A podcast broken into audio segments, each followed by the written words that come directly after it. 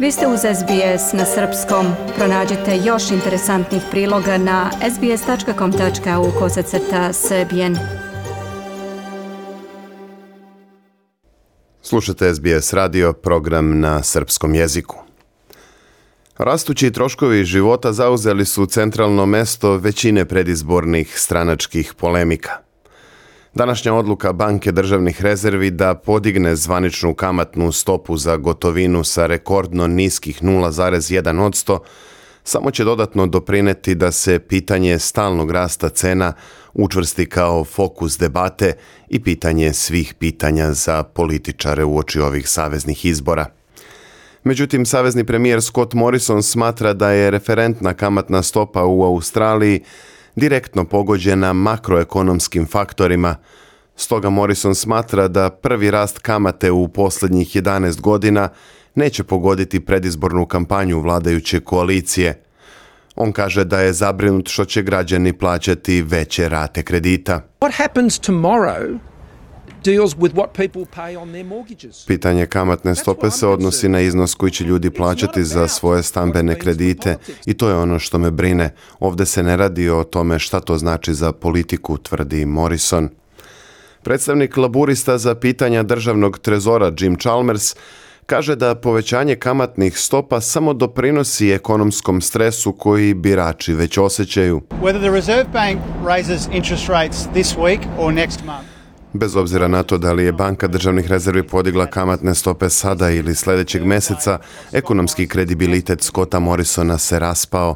Ovo je treći talas krize troškova života pod Morrisonom, kaže Chalmers. Poslednji put Centralna banka je najavila povećanje kamatne stope tokom predizborne kampanje 2007. godine. Na tim izborima tadašnji premijer John Howard je izgubio od laburiste Kevina Rada. Ekonomske prilike neminovno su odnele glasove tadašnjoj vladi i omogućile opoziciji da se posle 11 godina vrati u kabinet. Da li će se istorija ponoviti i 15 godina kasnije, pitanje je na koje ćemo odgovor morati da sačekamo do saveznih izbora zakazanih za 21. maj. Umeđu vremenu plan laburista za obezbeđivanje dela sredstava kupcima nekretnina – privukao je veliku pažnju u jeku izborne kampanje. Lider opozicije Antoni Albaneze najavio je da će njegova stranka, ako dođe na vlast, uvesti program na osnovu kojeg će država učestvovati u kupovini nekretnina sa 40% za nove kuće i stanove, odnosno 30% za već postojeće.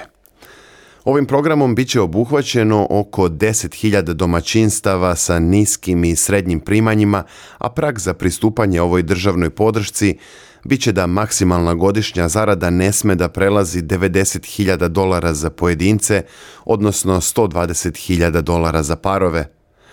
Pritom Albaneze tvrdi da je program već oproban i da dobro funkcioniše u zapadnoj Australiji već 30 godina. Drugim rečima, porodice i pojedinci koji bi bili obuhvaćeni ovim programom praktično će imati državu kao suvlasnika svoje nekretnine. Učešće države sa delom kapitala građanima bi sa druge strane omogućilo da plaćaju daleko niže rate stambenih kredita. Međutim, savezni premijer Scott Morrison smatra da je ovakva politika laburista neprihvatljiva. The take up of these schemes is, is very limited. Interesovanje za ovakve programe je veoma um, ograničeno. Jedan od razloga je taj što ljudi žele da posjeduju sobstveni dom. Oni ne žele da vlada bude vlasnik dela njihovog doma, a ono što su laboristi jasno nameravaju da imaju ude u vašoj kući ili stanu i kako vrednost vaše nekretnine raste, oni će da zarađuju na vama. Albaneze je danas branio stambenu politiku svoje stranke i to nakon posete porodici koja iznajmljuje kuću na centralnoj obali Novog Južnog Velsa. Takođe otkriveno je da je premijer Morrison ranije podržavao ovakav program takozvanog deljenog kapitala. Objavljen je čak i video snimak iz 2008. godine na kojem se čuje kako Morrison podržava sličan plan posle svetske ekonomske krize – Uprkos tome, premijer danas kritikuje ovakvu ideju laburista.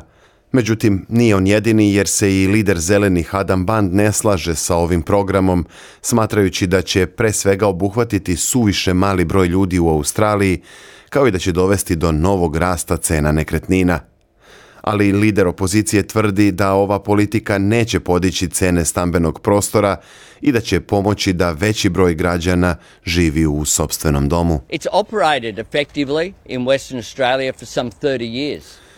Albaneze je podsjetio da sistem efikasno funkcioniše u zapadnoj Australiji te da vlada Novog Južnog Velsa na čelu sa premijerom Peroteom također razmatra isti program. Funkcionisalo je i u Viktoriji na Tasmaniji gde gledaju i kako da prošire taj program. Isto postoji i u Sjedinjenim državama, Velikoj Britaniji i Kanadi. Sad kada imamo visoku inflaciju i rastuće kamatne stope, pritisak na porodice će biti još veći, kaže lider laburista. Kada je reč o smanjivanju troškova života, premijer Morrison je danas detaljno predstavio predlog koalicije za povećanje praga prihoda za penzionere koji imaju pravo da pristupe koncesionim zdravstvenim karticama. On je prilikom posete penzionerskom naselju u Korangamajdžu u Viktoriji naglasio da će pravo na ovu vrstu zdravstvenog osiguranja imati svi penzioneri koji primaju do 92.000 dolara godišnje kao samci, odnosno 144.000 dolara za parove. Ovu objavu aktualne vlade podržali su i laburisti koji takođe smatraju da bi podizanje praga godišnjih prihoda ublažilo rastuće troškove života – Danas je objavljeno i da će završna predizborna debata dvojice lidera biti održana 11. maja na programu Kanala 7. Zanimljivo, to je samo tri dana posle druge debate koju će u nedelju 8. maja organizovati Kanal 9. Vi slušate SBS radio, program na srpskom jeziku. Ja sam Branko Cvetojević. Ostanite uz nas. Želite da čujete još priča poput ove? Slušajte nas na Apple Podcast, Google Podcast, Spotify ili odakle god slušate podcast.